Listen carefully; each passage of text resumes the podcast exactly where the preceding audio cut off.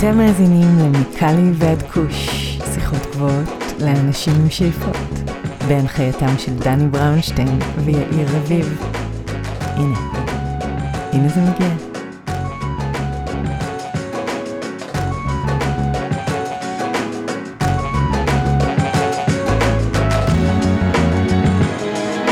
אהלן אהלן, מה קורה יאיר? הכל בסדר גמור, דני, מה שלומך? שלומי מעולה, והיום יש לנו באמת את אחד האורחים היותר מרתקים שאירחנו בתוכנית מאז הקמתה.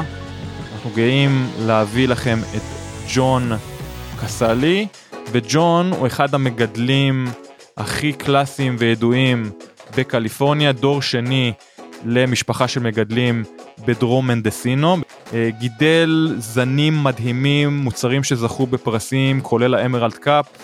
לא רוצה להכביר במילים, איש מדהים, אישיות מדהימה, המון השראה וידע. שווה מאוד להקשיב למרות שזה באנגלית. ונקודה קטנה, המיקרופון שלי ברעיון זה המיקרופון של המחשב, על כן איכות ההקלטה שלי דווקא הפעם, איי איי לא. מי יודע מה. פעם אני פיקששתי, אה, אבל את ג'ון ואותך שומעים די טוב, אז אל דאגה, לא תפספסו כלום. נהדר. אוקיי, אז זהו ג'ון קסלי. ג'ון קסלי, good morning, how are you doing today? I'm doing good. Thank you very much. Give us a sense of geography. Where are you in the world right now? You know, um, we're located here at, in Northern California, about four hours north of San Francisco in the Redwood Country. It's called uh, Southern Humboldt County, or the Emerald Triangle, it's referred to a lot of times. I'm based in Los Angeles, California, and my co-host Yair is based in Tel Aviv, Israel. What's up, Yair? All good, how are you doing? Pretty good. So, John, I want to start with an easy one. Tell us about your personal journey and what led you to the cannabis space. I'm actually sitting in my house right now in the very place I grew up at, and um, from the age of five, my parents really wanted to to get away from the life of you know like in the city and create a lifestyle of our own, and so we we re- relocated to to where I am now in southern Humboldt County, and you know we created a vegetable garden. We were growing fruit trees and we were also growing cannabis because there was never really just one single thing in the country back then that you could do to make a living. So we cut firewood um, and sold it to a local merchant. We we also were commercial crab fishermen, commercial albacore fishermen, commercial salmon fishermen. We also grew cannabis, and amongst between all three or four of those things, we were able to to create a, a, a lifestyle of our own and make enough money to make it to the next year. So that was our goal. It wasn't ever to make a bunch of money. It was just to make a living and make it to the next year and to create a life the way we wanted to create it. And what year are we talking about? We're talking about we moved here in 1972 and I've been here ever since. Same house. Nice. So fast forward to 2022, Huckleberry Hills Farm is a second generation cannabis farm up in Mendocino, as you mentioned, among many other cannabis farms in this area. So what makes your farm so special? You know, I th- I think it's really the the story of the small farmer that you know went through prohibition and the war on drugs to get to a point where now we find ourselves uh, permitted and legal with the county and with the state of California, and that was no easy feat to to get from 1970 to to 2022. Uh, there was a lot of bumps and bruises along the way, and um, we sacrificed a, a lot to get here now for for what we're we're dealing with. So, So you were part of the industry way before it was an industry, growing cannabis for a few decades now. How tough was it pre-legalization, John? God, I, I, when when you say that, I think you know pre legalization um, was like there, were- there. It had its its challenges for sure, but also legalization had. I think I'm having a harder time with, but um, pre legalization, you know, it was always about having to live in secrecy. It was about um, always worried if uh, you would have a, a convoy of sheriffs that would show up at your house to to eradicate your cannabis or to arrest you. Um, we always dealt with helicopters flying in the air or, or, airplanes doing aerial surveillance looking for cannabis growers or weed growers back then, pot growers as we used to call them. And um, so, you know, you had a, a lifestyle that w- was your own, that you were creating your own, but it also incorporated, you know, a little bit of fear of wondering if today was the day they were going to break down your your gate and roll up your driveway. So that that was a fear that we all had, and we all all the small farmers of the Emerald Triangle that grew up here still to this day have some kind of PTSD from you know being fearful of helicopters, waking up to to Black Hawk helicopters over your property with guys hanging out with AR-15s. And you know, when it comes down to it, you know, we're talking about a plant. So I'm glad they figured it out. I'm glad they legalized it. I'm glad now we're able to participate without having to worry about at least that kind of enforcement. And I've heard that you were personally caught by the feds. Do you want to share your personal story and what happened there exactly? Sure. Um, you know, it's something that really could have happened to anybody. And, and whenever I tell the story, I always like to say that, you know, living in the hills, we were really naive to the different laws. And I think most people in general don't know how much of a difference there are between state laws and federal laws. So it was our assumption growing up that if you were to get busted growing cannabis that because we were in Humboldt County it would you would just get probation so the risk was kind of worth worth the reward but what, what I didn't know, and as I was growing up in enforcement, and you know, Ronald Reagan declared the war on drugs in 1985, and they were really looking to stop cannabis growing in in the hills of the Emerald Triangle. And at that point, my parents bought a commercial albacore boat. They decided they weren't going to you know, live that way, you know, under the scrutiny of, you know, all these different helicopters flying around and worried about getting busted. And so they they sailed off to the South Pacific and commercial albacore fished 11 months out of the year and I stayed here and took care of the farm and took care of the house and really fell in love with growing cannabis and realizing that the more time and the more energy and the more love that you put into the plant, the better it would turn out in the end. So um, what I didn't understand was that as enforcement got worse, we had to really change our growing technique. So we didn't grow out in the open anymore where they could see it from an airplane or a helicopter.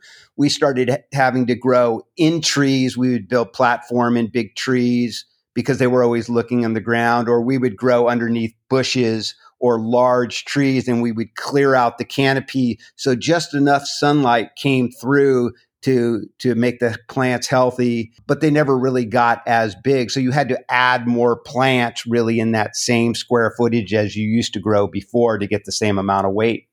And so what i didn't understand at that time is there was something called the mandatory minimums and this was a federal sentencing guideline that was was attributed to people that were sentenced federally. And because I didn't understand that when when I ended up getting busted and I got into so sorry, let me I skipped over something. So in 1992, um, I'm 24 years old. I wake up to 30 federal agents that drove up my driveway and served a search warrant at my house. So my worst nightmare is coming true now and it really wasn't how I thought. They sat me down on the couch. They did never handcuff me. They searched the place. And at the end of the day, they left me with a little yellow speeding ticket. And they said, if we want to serve an arrest warrant, we'll, we'll contact you later. So they left at the end of the day. And I was kind of sitting on the couch going, wow, did that just happen? And so for the next uh, year and a half, I didn't hear anything from them. And then one day they came back with an arrest warrant and they, they charged me federally for the plants that they were that they found a year and a half prior. And then from that point forward, for the next two and a half, three years, I went to San Francisco Federal Courthouse build, uh, building where I really fought for my life. I really tried to explain to the judge that this was a plant. I would never do anything to ever hurt anybody. And I really truly believe that if he understood who I was and um, what I believed in that, you know, maybe I would get probation. And unfortunately, there was something called the mandatory minimums. This was a judge that at one time during the court proceedings stood up and didn't know what the bud part of the plant was. So, you know, I was also trying to communicate to these people that were very naive in the field in understanding cannabis themselves. So when it came down to sentencing day, you know, and this is after four years from when I had gotten busted in 92. So this is 1996. You know, he stood up and said, I, I would like nothing more to, to give you a year or two in jail. But because of the mandatory minimums, I was looking at 10 years to life in prison for a first time non-violent offender. And I had never had a speeding ticket. I had never been in any kind of trouble to that point. And so he did give me the lower end of the sentencing guidelines. And so I received 120 months, 10 years in jail. And federally, you have to do 85% of your time. So I ended up doing eight years in jail. I got a little time off uh, the 10 year sentence for a drug program I took. And then I had five years probation. So really, from the time I got busted to the time I got off probation, it was really 17 years out of my life that um, I sacrificed for this plant and for what I believed in. And now I find, ironically, myself permitted by the county and permitted by the state of California. And I have one of three tourism licenses that have been issued in Humboldt County. And now I get to share my product with people throughout California. Eight That's years in story. federal jail for growing weed. yeah, you know, unbelievable. It, it is unbelievable looking back and, and I have no regrets. And I, I think, you know, I wouldn't want to change anything because it really made me into the person I am today. And, and really, even though that that happened to me, it could have happened to any one of my friends that I grew up with because we were all doing the same thing. I didn't know one person that wasn't growing cannabis in Humboldt County. That's what we all did to supplement our income. So this was just a way of life. We looked at a, a cannabis plant the same way we look as a tomato plant. You know, it's just a plant. So, how are the conditions in that uh, federal jail? Was it rough? You know, I've always heard, and I've never been in state prisons, are a lot tougher than it is in federal. Federal prisons, I went to a camp, so there was no fences. I got to work on a cattle ranch. And so, relatively speaking, even though it wasn't enjoyable, it was very, it was as good as I could have it in there. And, um, yeah, everybody, it was all nonviolent. You know, there was never any fights. It was, it was just more of a camp. It was them keeping you from going home and, you know, living in dorms and eating cr- cruddy food, but I made it through it and I, I, still tried to keep a positive attitude and look at the bright side of every situation. And, uh, you know, it's just part of who I am now. And, and yeah. John, I'm curious to know when the feds came in the first time, did you continue growing cannabis between the first time they came and the second time they came to arrest you? Or you stopped right away after the first time?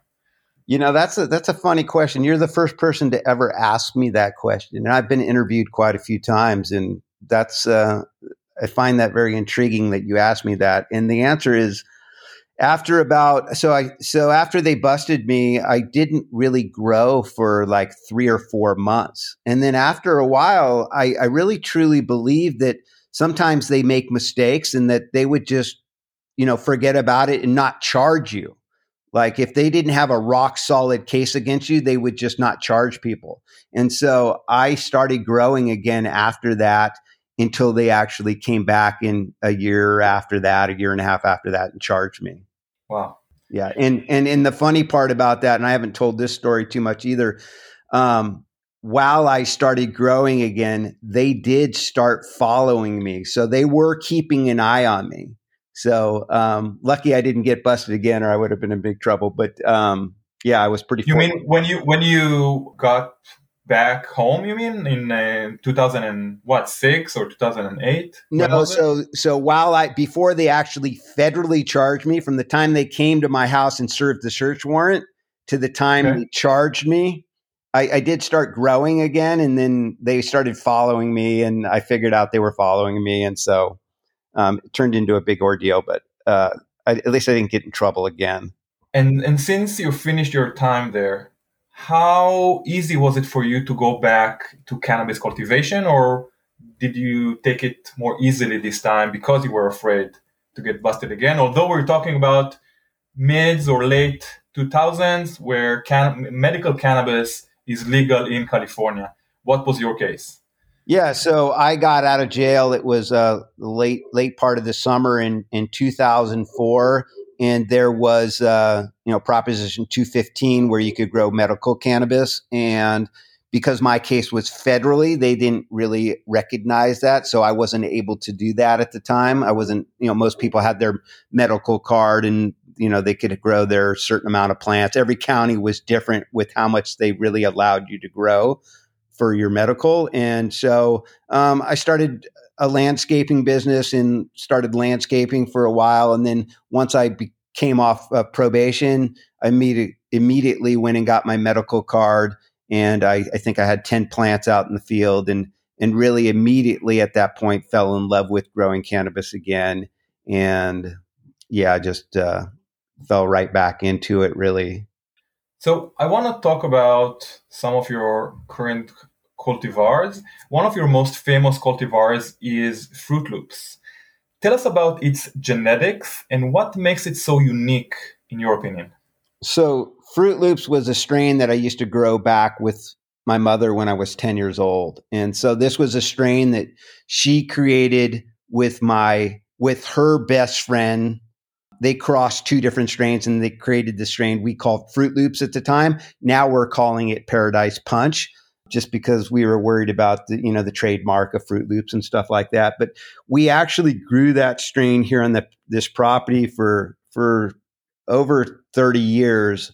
And we we really grew it because it was a strain that really harvested earlier than most. So we would harvest that strain like early September first week in September. And and back in this the 70s 80s and 90s we used to get quite a bit of rain up here in the northern part of of California. And so we were always trying to find strains that harvested early so we could beat those monsoon rains that would come and a lot of times destroy those later crops that, that people tried to grow other strains with. And so it did really well here. And so while I went to jail, my best friend, he actually kept that strain alive. And when I got back, he actually returned the mother plants of the same exact strain that he used to grow with my mom when I was 10. He gave that back to me as a gift that he kept it alive for eight years while I was away. Wow. Uh, do you want to tell us about the terp profile of this strain? I know I personally uh, had experienced Fruit Loops, I want to say a few years ago. Uh, I tasted it through Flowkana. I'm not sure if you are connected to Flowkana or you were connected. Is it the same genetics? Yeah, that's funny. Yeah, uh, I used to work with Flowkana in the early days when their company was just starting, and you know I no longer work with them. We've kind of their company, as all companies in California, are really struggling, and so they're doing their own thing now. I don't even know if they're around or if they've survived the the wave of regulations, but Fruit Loops is just an amazing fruit punchy type strain. It's it's never very high in THC, but the terpene profile is such that the balance between the cannabinoids and the terpenes and the THC just makes it one of the most amazing strains, and especially using that strain as as an extract as i found that really it, it caters to the the best possible form through extracts whether or not it's rosin bubble hash or all the other different oils that they can create out of that. And what's really unique about fruit loops and and and how it plays such an important role here on the farm is that I really wanted to honor my mother while I was in jail. The hardest thing I really had to deal with was my mother passed away.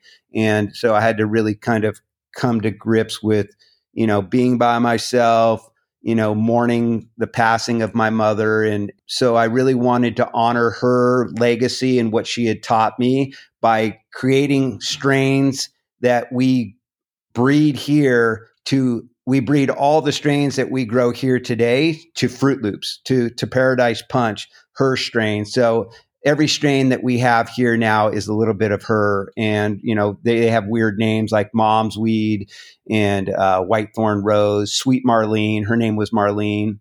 And what, what happened this year, which was amazing, which just, um, really just shows and tells the story of her strain in Paradise Punch or Fruit Loops like you've tried. We created a strain called Whitethorn Rose, and Whitethorn Rose was Paradise Punch crossed with Lemon G. And we're working on a collaboration project with Heritage Mendocino. We entered it the live bubble hash, which that hash world is its own little world. It's like a whole different world than fresh flower. Like those people are serious people about their hash. And it won first place in in the live rosin and second place in the or first place in bubble hash and second place in rosin. So it's just it's it's proven to me that the the Fruit Loops really is a is a great cultivar and and people really enjoy it. Yeah, I heard a lot about this product that won in the Emerald Cup. So congrats on the recent wins. And I know from my personal experience when I tried Fruit Loops for the first time, it was one of the most tasting strains out there. Super fruity, super sweet, really something different compared to all the other genetics and cultivars in today's market. So kudos on that. Thank you. I have you, a technical question. My question is as follows. When you're uh, sifting through genetics to find the ones that you can uh, harvest early, and you're talking about a strain that you're basically like you're looking for terpenes and less for cannabinoids. So what how do you decide when to harvest in that case? So, you know, we used to try all different kinds of genetics. You know, people would give us genetics, we would make our own crosses. And really, we didn't have a whole bunch of testing back then. So, really, we just uh, followed our nose. Whatever smelled and looked and tasted the best is really what we ended up with. And, and, you know, you would have to weigh out, well, if this strain was a little bit later and it smelled great and it, it, it made you feel great, is it worth the chance to grow that strain if it harvests later or should I grow this earlier strain? So we just found a happy medium in there and really just picked the the one strain that we liked and then from that point forward is when we started to breed our own different genetics here and and really for for every one or two different strains that we grow here. There's probably 20 different ones that we tried that never ended up working out. So it's it's about trial and error and it's been a it's been a long process and you really don't do that in one year and and we're still doing that kind of stuff today. This year we're we're trying two different new strains. We we crossed the Whitethorn Rose, the one that won all the, the awards this year. We crossed that to Skittles, which is another very high terpene dominant strain. And uh, we're calling that one Riddles. And then we also, I'm doing a collaboration with Ridgeline Farm, who's won multiple different first place awards in the Emerald Cup. He created a strain with his dad called Lance. And we're crossing it to a strain that we have here called Amalfi, and we're calling it Kryptonite. So it's it's always an ev- evolution when it comes to to breeding, and and it's really becomes a very fun part of having this farm is, is the breeding program. You're always looking for that that special, unique strain that nobody else has, like a whitethorn rose. And um, when you find it, it's you know, and it's a, it's a really good way for our small farmers to survive the way um, survive through this big ag oversupply problem because nobody else in the world grows whitethorn rose and and fruit loops and in the strains I grow here because I've created them here and you know, a lot of the other farms are, you know, growing wedding cake and all these strains that everybody has. And, and, that's really a race to the bottom. So this is a way for the small farms is to create their own strains and have a limited supply of those. And then it's about marketing and branding those strains and winning awards and really getting it out to the, the people and educating them. Great point. So speaking of quality of strains and cultivars, what do you think are the top three factors that influence the quality of your flowers and cannabis plants in general? Is genetics still the king, or is it climate, terroir, as important? What do you think is the most important factors? I think the the, the climate, the terroir. I think the genetics, and I think the the the farmer. So amongst those three things the genetics, the terroir, and the farmers. Because if you don't have one of those three, it, it doesn't work as well. So, but if you have all three, if you have good genetics, if you have if you found a genetic that really grows the best in the area that you're at, even inside the county or inside the state, you have to find the strain that really grows the best in the area that you're at. Like we're influenced by coastal, uh, have a little coastal influence. So we get a little bit of fog. It might not be as hot here. So we had to also find a strain that grew well here and, and Fruit Loops did that. And then also really, I think the most important part in the most the, the thing the consumer should know the most is know your farmer like we go out every single day. We don't have tractors and we don't we don't have row crops. And it's not just about the money. It's about going out and touching every single plant learning each and every strain that you go on your property and giving it tender loving care. Because the more time the more energy and the more love that you put into that plant whether or not it's a cannabis plant or a tomato plant or a zucchini plant the better it will turn out in the end. And there's no really replacing that so it's spending time, it's developing a relationship with those plants and really being able to look at a plant and say, look, I can see the leaves are starting to yellow. It might need a little nitrogen or, you know, just learning and, and figuring out and developing a relationship with that plant. And so the, the, the consumer really needs to know their farmer. That's the most important thing.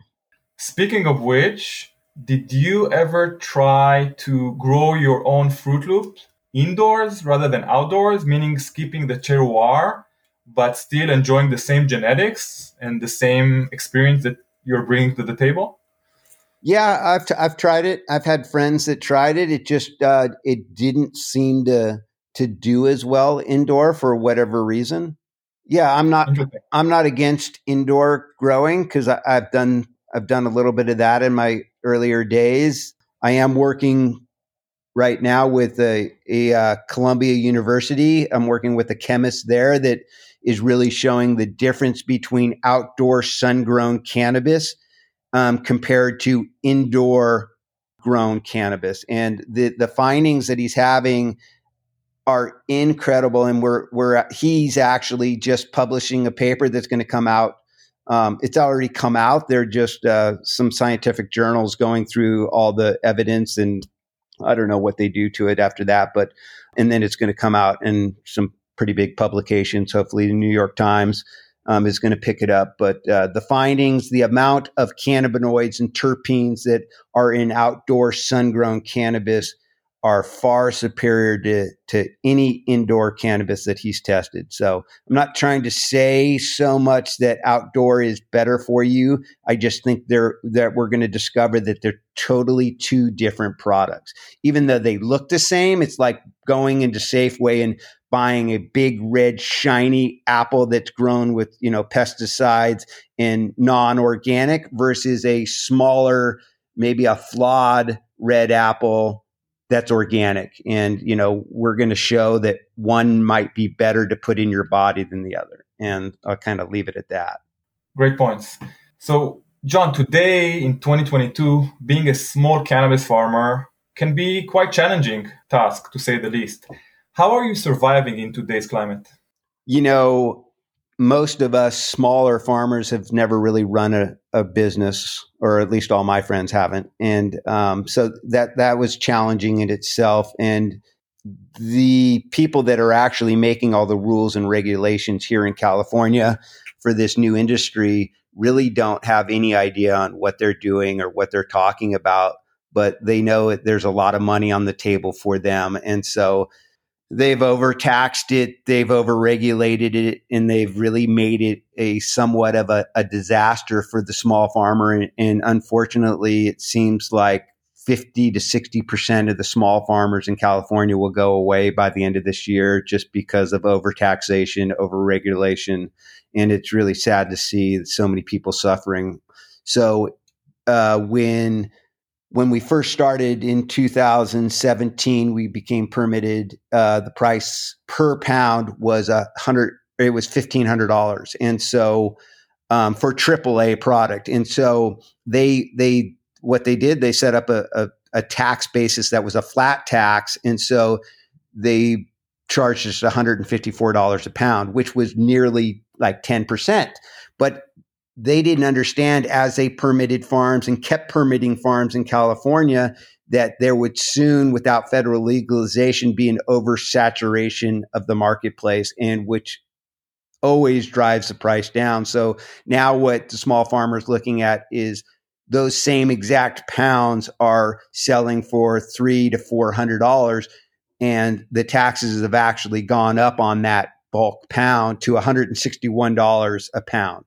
So now, whereas they were taking 10% of that, that product before, now they're taking um, almost 50% right off the top. And that's before we pay 17% to our distributor. That's before we pay our cultivation fees for our county. That's before we pay our cultivation fees for the state. That's before we pay water board fees, fish and game fees.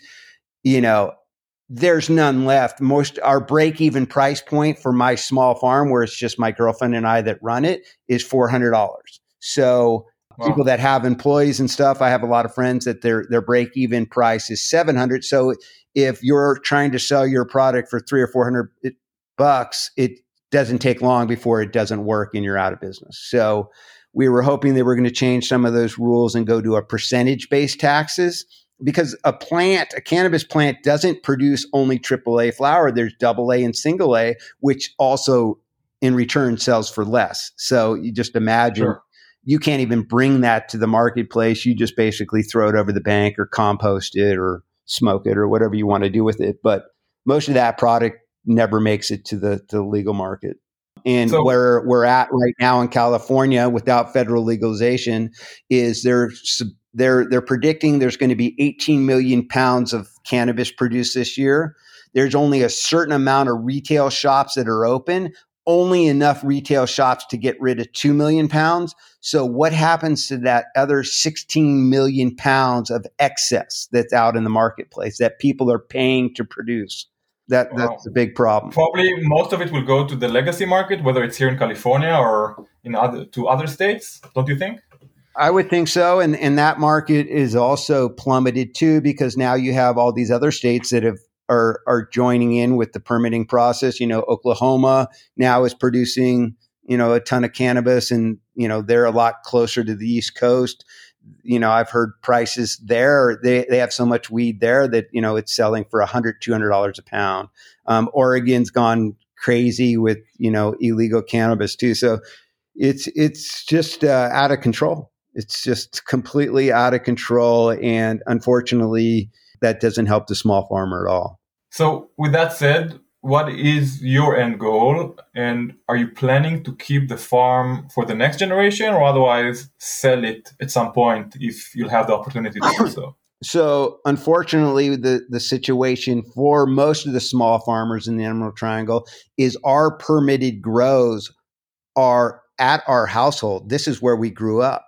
So, because California hasn't limited the amount of licenses that they're giving out, the licenses are worth nothing. You could never just sell your license. You would have to sell your family home to get any value out of it. And because the marketplace doesn't provide any opportunity for profit right now, and nobody really knows when that might be, there the, the farms are worth nothing. I mean, that's the problem. You can't even sell them and get out from under them. And yeah, I just don't know where it's headed right now. It's uh, I forgot the second part of your question was what?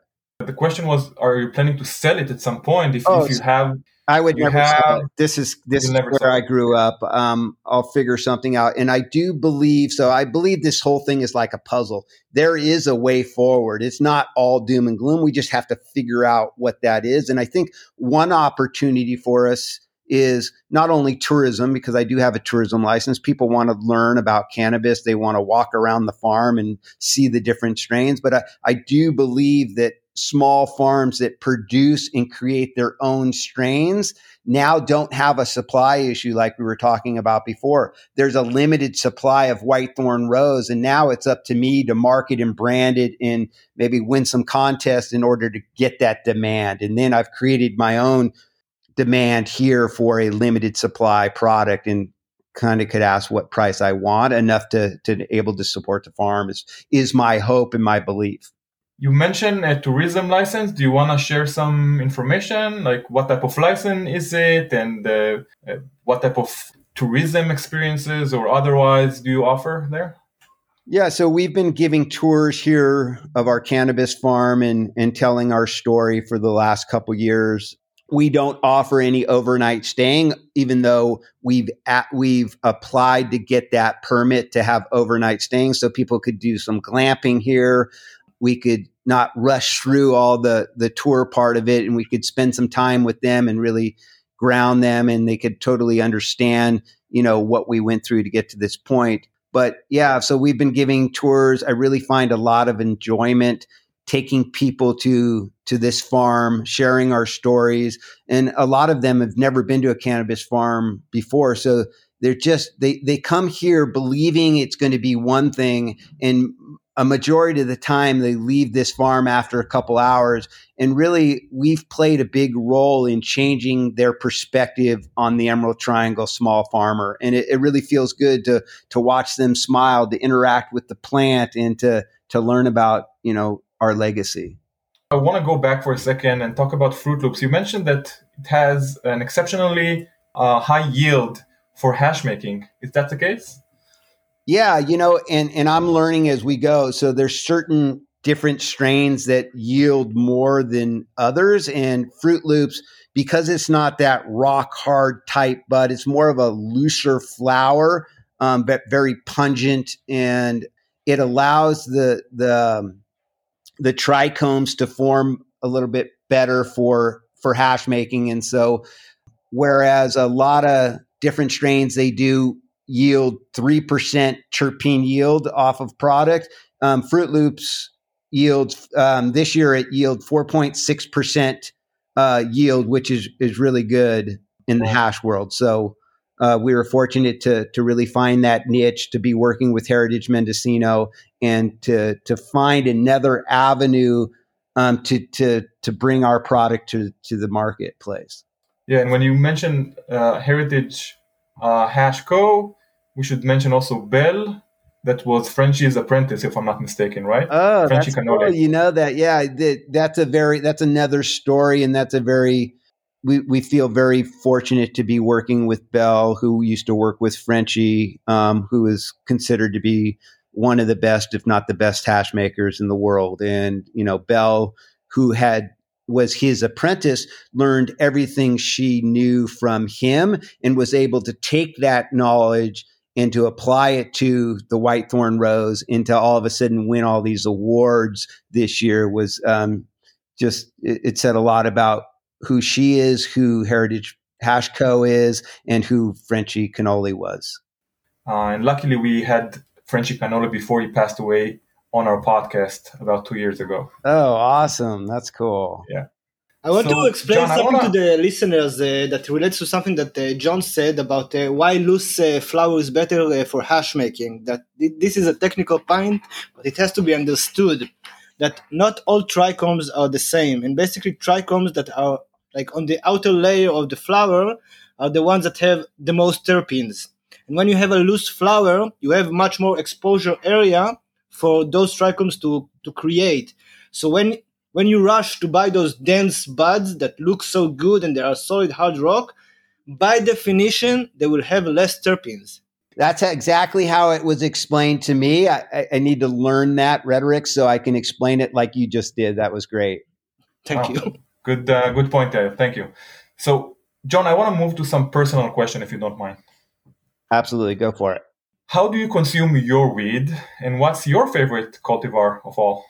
You know, I'm I don't smoke all the time, but when I do per- partake, it's it's always with uh, flower. I always, you know, like to roll a joint, and maybe in the evening times before I go to bed, I, I like to s- take a few hits and then walk uh, walk around the farm and just really remind myself how lucky I am to be where I am, doing what I am, whether or not we're making any money or not right now, I, I, I, live in paradise and it's I feel very fortunate. And so I think we all at one time or another need to just remind ourselves that there's always somebody that has it worse off than we do. And so we we should appreciate what we have today and not really look too far into the future because we never know how long we have on this earth. And so, um, currently, Whitethorn Rose, I, I gotta say, is is my favorite. It smokes so amazing. It makes me feel so amazing, and I can still function. It doesn't put me on the couch and knock me out.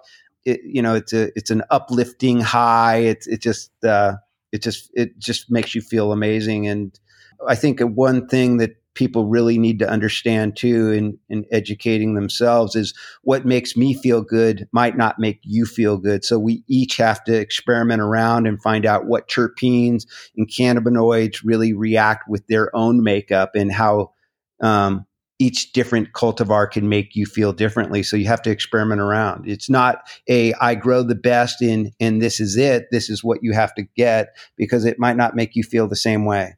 Well said. Speaking of, to our uh, Californian listeners, where can we put our hands on white thorn, whether it's the flower itself or the hash or rosin form? So right now, um, we sell to our distributor who distributes throughout California. Um, our product can be found. It hasn't made itself down to to San Diego County yet, um, just because of North, North Los Angeles. By the way, I, I, didn't see it in in the stores near me, at least. Yeah, so it's in Los Angeles now. We're in the new uh, Woody Harrelson shop uh, in Hollywood. Oh. We're in LACPG. We're in Cornerstone Collective, Sespe Creek. So a lot of these different companies and retail shops are now really supporting the small farmer and really highlighting what kind of magic they bring to the table because eventually at the end of the day you know all these big giant corporations are trying to say we you know we have the highest THC this is what makes you feel good. Eventually with federal legalization i think what's going to be very intriguing to people is you know the stories of the the farmers and and how their product is is really grown and produced. And so uh, we really appreciate those shops that really recognize what we went through to get get that product to them. And those are just a few down in, in LA that are carrying our product. And so we love them so much. Nice. So, what other categories or segments in the industry excites you and why? Not only do we grow cannabis here, but uh, this year it's it's always my dream to to get you know having the relationship with the consumer is one of my favorite parts. You know, bringing people here on tours is, is is an amazing part. It's that interaction with the person that hasn't had that interaction with the plant that I found a lot of joy in. And so my girlfriend Rose and I in 2020 uh, won the Innovative Product Award. We developed this little compressed seed puck that we put a seed into and really are trying to find more and more ways to have the average consumer, the average person grow their own. It's not always about trying to sell them our product or or or making money off them. We really want them to experience the true magic and the true magic is really about growing your own plant and developing that relationship with the plant. So, you know, in, in expanding on that theory, you know, after winning the Innovative Product Award in the Emerald Cup for that invention, um, this year, we entered another product into the Innovative Product Award in the Emerald Cup this year. And so a lot of times people go into the different retail shops and they they buy a jar of cannabis and they say, "Wow, man, this cannabis is amazing. I wish I could grow it." So again, what we did was took one of those compressed pucks and we put it on top of the lid of the jar and we put one feminized seed of the same strain that you're smoking in the jar. So if you like the weed, you can now grow the weed. And that won an innovative product award again here this year in the Emerald Cup. And so we're just really trying to expand to find ways to allow people the easiest access to grow their own and really do experience that. So um, that part of the industry, trying to figure out ways to get people to grow their own, is is is exciting to us too. That's great. So, what other cultivators do you appreciate in California or elsewhere in the world?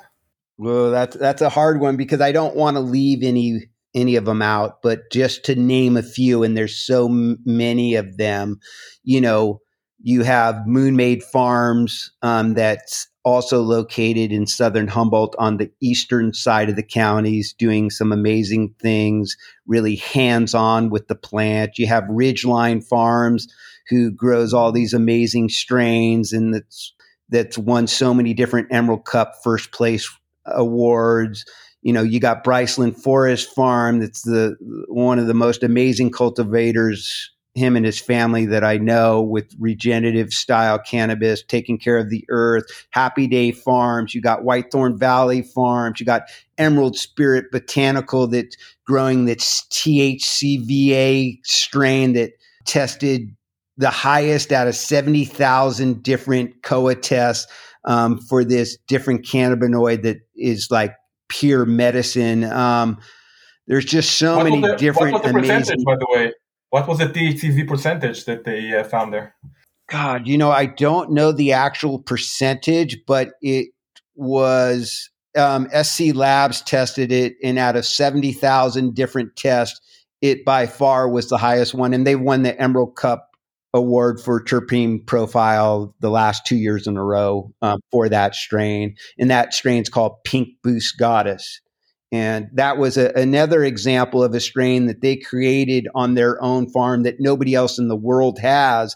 And now they've already pre-sold that crop for this this coming year. So, you know, the limited supply of an amazing cultivar really has that ability to create its own marketplace.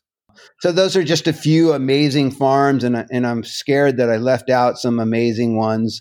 And there's quite a few amazing ones. So you know, it you can you can Google um, farmers of the Emerald Triangle, and a, a, lot of different names come up, and they're all special. But speaking of, any indoor cultivator that you appreciate?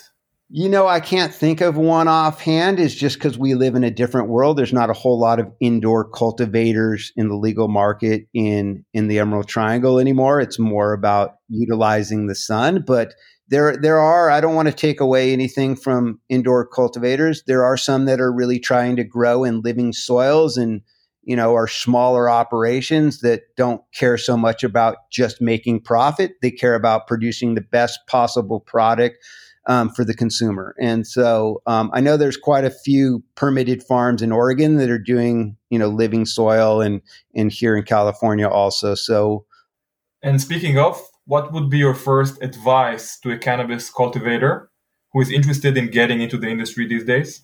Maybe don't get to the industry. you read you read my mind. That's exactly what I was thinking. I think um, I think I think working for somebody that's in the industry and really learning as much as you possibly can about the different techniques and the different ways. And I think that will reveal a path forward for that individual looking to get into industry. So, um, a tour that I took on this last Friday were f- two people from Mississippi.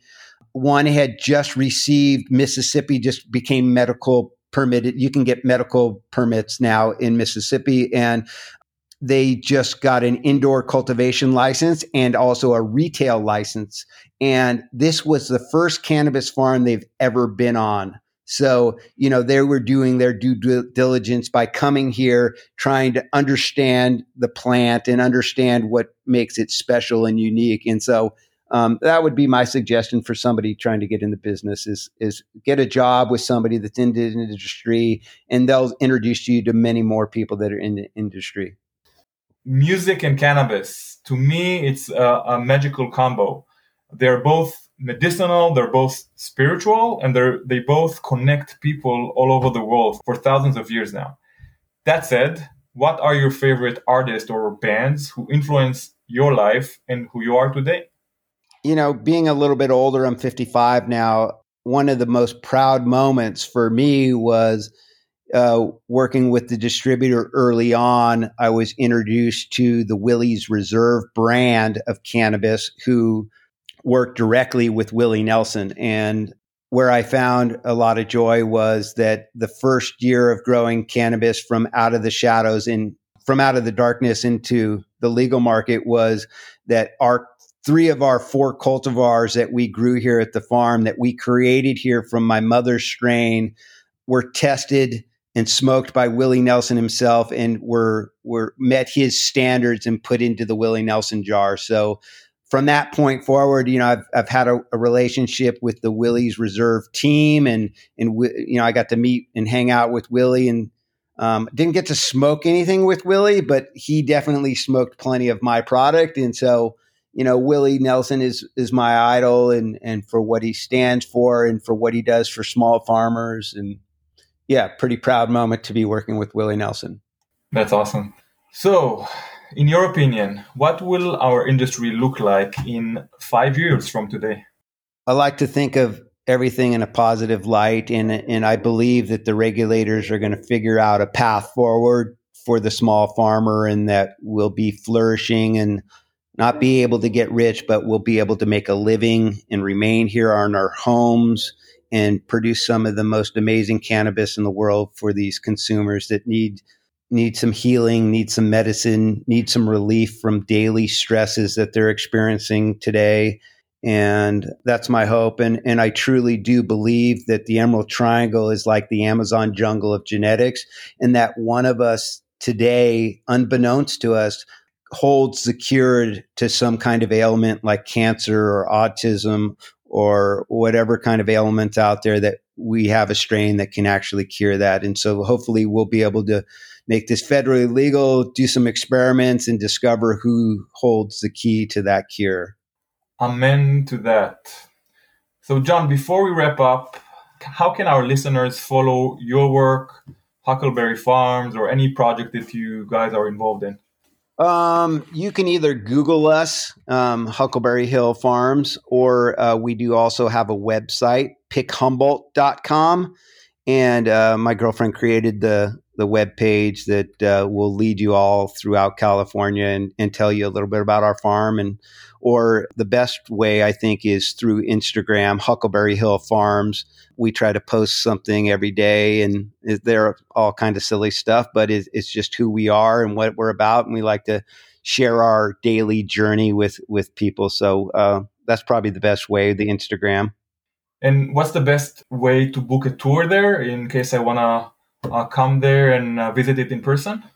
So we've been working directly with Humboldt Cannabis Tours, and um, he has a website that you can just look up and uh, book a tour through him. And he'll he also has other farms that he goes to and, and retail shops, and uh, so he does a really good job with all that. And he takes you through the redwoods and brings you lunch. Who is he, by the way?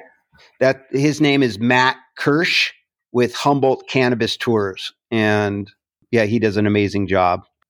Anything you want to say before we wrap up? Are you hiring? Are you raising any money? No, can we help you? We're, we're, you're, you're helping us by uh, putting us on a platform that more and more people can understand really um, that we care about them, that we're trying to bring them the best medicine possible. So you are helping in that way, and we really appreciate you doing that. Mm-hmm. And no, we, we don't raise any money. We don't want any money from anybody. We, you know, it's just my girlfriend and I, and we just take care of the plants ourselves. And uh, so, anyways, I appreciate everything that you're do- doing and, and done, and I appreciate it. Thank you. Thank, Thank you, John. John. Great interview, man.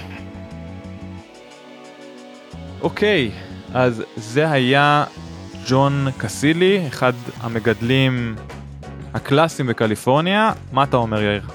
מה אני אומר? Uh, חוץ מזה שזה היה באנגלית, אז uh, זה מבאס אותי שהרבה אנשים אולי לא, לא יקשיבו לי כי זה באנגלית, הם הולכים לפספס פה חתיכת uh, שיחה מעניינת.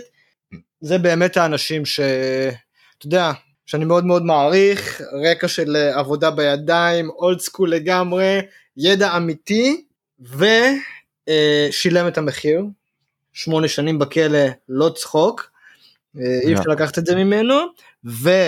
נקודה קריטית, הבן אדם מגדל וויד מטורף, זה לא רק הוא אומר, זה לא רק אתה אומר. מטורף אגב, מטורף, מטורף. תכף אני אדבר על זה, אבל תמשיך, כן. ואני סומך על דעתו של ניצן אה, לוינסון, אז uh, באמת uh, תותח, ושלא אכפת לו מהמספרים. הוא אומר, הוויד הזה זה לא מספרים גבוהים של THC, אבל זו חוויה שלא תהיה לך בשום מקום אחר, ואני לגמרי מאמין לו. לגמרי, כל מה שאמרת נכון. תשמע, אני אתחיל מזה שקודם כל טעמתי את המוצר שלו, או לפחות חלק מהם, את המוצרים שלו אני אגיד. הפרוט לופ זה פשוט קלאסיקה אה, מדהימה. מי שזוכר בשיחה אני טעמתי את הפרוט לופס דרך אה, פלוקנה חברה שגם ראיינו פה בתוכנית חברה שכבר אה, כבר מה שנקרא על ערש דווי אבל בקצרה הפרוט לופ זה באמת זן מטורף מבחינת קודם כל האחוז טרפנים הוא דיבר לדעתי על 4 פלוס אחוז טרפנים שזה מטורף וגם השילוב של הטרפנים זה טעם שאני בחיים לא נתקלתי מימיי בכזה טעם אלוהי. אני לא חושב שיש מישהו שלא לא אהב או לא אוהב את הטעם הזה מאוד מתקתק מאוד uh, מחניף לחך וההשפעה מדהימה. זאת אומרת אני זוכר גם רק לתת קצת רפרנס למתי זה קרה הפעם הראשונה שטעמתי את הזן הזה היה ב-2017 לא הרבה זמן אחרי שפתחתי את החברה שלי ופלוקנה היו אחד הספונסרים הראשונים של האירועים שאנחנו ארגנו. והפרוטלופס היה אני רוצה להגיד נחת אלינו באירוע השני או השלישי משהו כזה. אני זוכר את התגובות ואת הפרצופים של האנשים שטעמו אותו זה נחרט לי בזיכרון אני לא אשכח את זה בחיים גם הטעם של המוצר גם הפרצופים של מי שטעם אותו. זה פשוט כל פעם שהוא הגיע לאירוע זה היה שמחה והילולה. אז זה באמת זן אני לא מרבה לדבר על זנים ועל קולטיברים ועל זה משהו מיוחד. כן. עכשיו רק להמשיך את האיחוד הזה, הוא דיבר על הזוכים מהשנה של האמרלד קאפ, גם זוכה במקום ראשון ב-Ice Water Hash, במקום שני ברוזין עם אותו זן, כן, אגב, לדעתי זה היה צריך להיות הפוך, או לפחות שניהם היו יכולים לזכות במקום ראשון בלי בעיה. White, White Thorn Rose, White Thorn Rose, הזן, כן. אז היה לי חבר בישראל שפגש אותך ונתן לך איזה אה, אה, רוזין, לייב רוזין מדרום קליפורניה מהתחרות. יש סיכוי גבוה שמה שטעמת היה אותו זן שג'ון דיבר עליו שהוא ה-white thorn rose. מודה שאני לא טעמתי, אה, ניצן לוינסון טעם אמר שזה החשיש הכי טעים שהוא אי פעם טעם, כנ"ל בורי שרנסקי שאותו גם ראיינו בעבר, מומחה חשיש ומיצויים.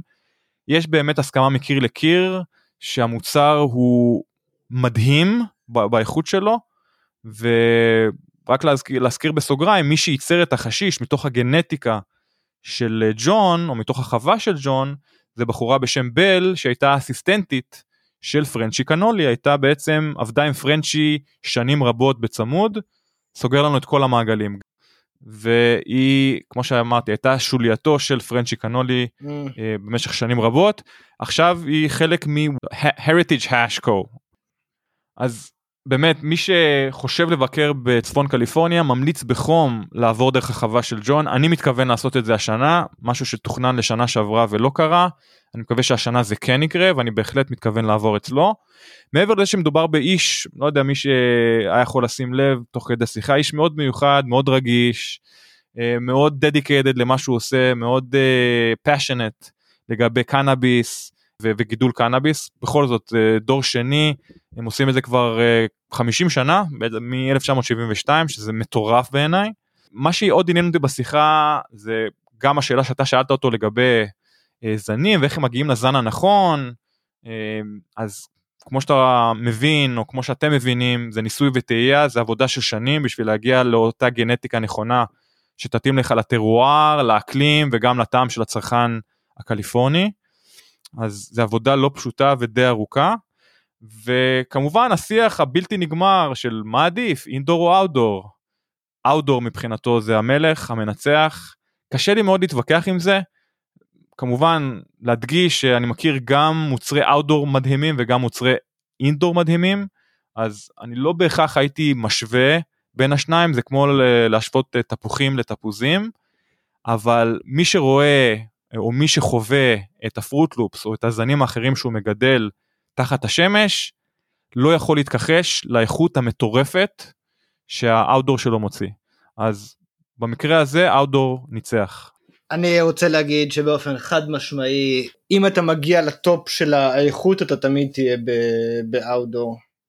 כאילו זה כאילו כשאתה מגדל אינדור זה כאילו אתה עושה קומפרס על הטעם זה זה נגמר באיזשהו מקום את, את החוויה הבאמת מיוחדת אתה לא תקבל באינדור זה וזה לא דעה זה כאילו זה ניסיון והמון המון וויד שצריכתי בחיי הדברים שאתה זוכר באמת הם היו האודור. זה היופי בזנים האלה, יש כמה זנים כאלה או כמה חוויות כאלה בחיים, שאתה טועם פעם אחת, ואתה לא תשכח אף פעם את הטעימה הזאת ואת הזן הספציפי שטעמת. גם שמעתי את זה על זה לגמרי. אחד מהם. מבחינת המיצויים כן פפאיה זה גם בוא נגיד אם אתה מתארגן על אה, חשיש פפאיה או רוזין פפאיה באיכות גבוהה מאוד זה באמת למי שאוהב את הטעם האקזוטי הזה גם בלתי נשכח בהחלט. מי שפחות אוהב אז לכו, לכו לחפש גז. כן, תמיד. הגז פה עדיין שולט אגב אנחנו תמיד מדברים פה על טעמים ועל הטעם הקליפורני מול הישראלי פה בקליפורניה גז וקינוחים עדיין שולטים.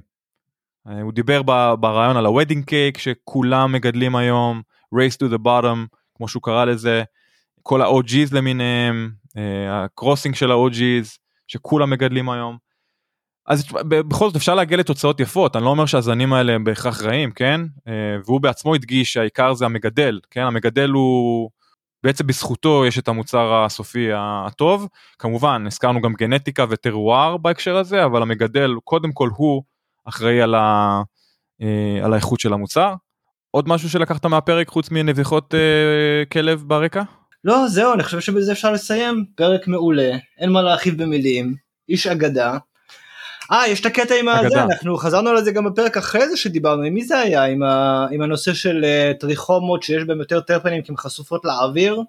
כן אנחנו אני, קצת הפכנו את הסדר של הפרקים רק אה, להעביר למאזינים שלנו הקלטנו גם פרק אה, שישודר בשבוע הבא עם אה, בן קיסילביץ' מגרינקום נכון. דיברנו אותו על, על, על נושא דומה על בעצם צפיפות הפרח ואיך זה משפיע על הטעם הסופי של המוצר אז uh, תחכו גם לפרק בשבוע הבא דיברנו גם הנקודה הזאת. בעברית. עכשיו זה היה באנגלית ושבוע הבא זה יהיה בעברית, אבל אל תחפשו דחיסות. דחיסות זה לא דבר טוב. מסכים. אוקיי עד כאן להיום או לשבוע מקאלי ועד כוש פרק 105 שיהיה אחלה שבוע יאיר. אחלה שבוע דני. תודה שהאזנתם לתוכנית. אם נהניתם ממנה ומהאורחים שהבאנו לכם, נשמח אם תדרגו אותנו בחמישה כוכבים. כל דירוג או ביקורת חיובית יעזרו לנו להמשיך להביא לכם את האורחים הכי שווים בתעשיית הקנאביס. יש לכם הצעה לאורח או נושא מעניין? נשמח לקבל בקשות והצעות לגבי נושאים או אורחים שמעניינים אתכם, המאזינים שלנו. אנא כתבו אלינו ל From Kali to Push at gmail.com From Kali to Push במילה אחת at gmail.com אנא אל תיקחו את האינפורמציה שמוגשת בתוכנית כעצות רפואיות או עסקיות. צרו קשר עם הרופא שלכם או כל גוף רפואי מורשה אם אתם מעוניינים לצרוך קנאביס לשימוש רפואי. התוכנית נעשית מתוך אהבה ותשוקה לצמח הקנאביס, אך אינה מעודדת קנייה לא חוקית של מוצריו. תודה על ההאזנה, נשתמע בקרוב. צ'או.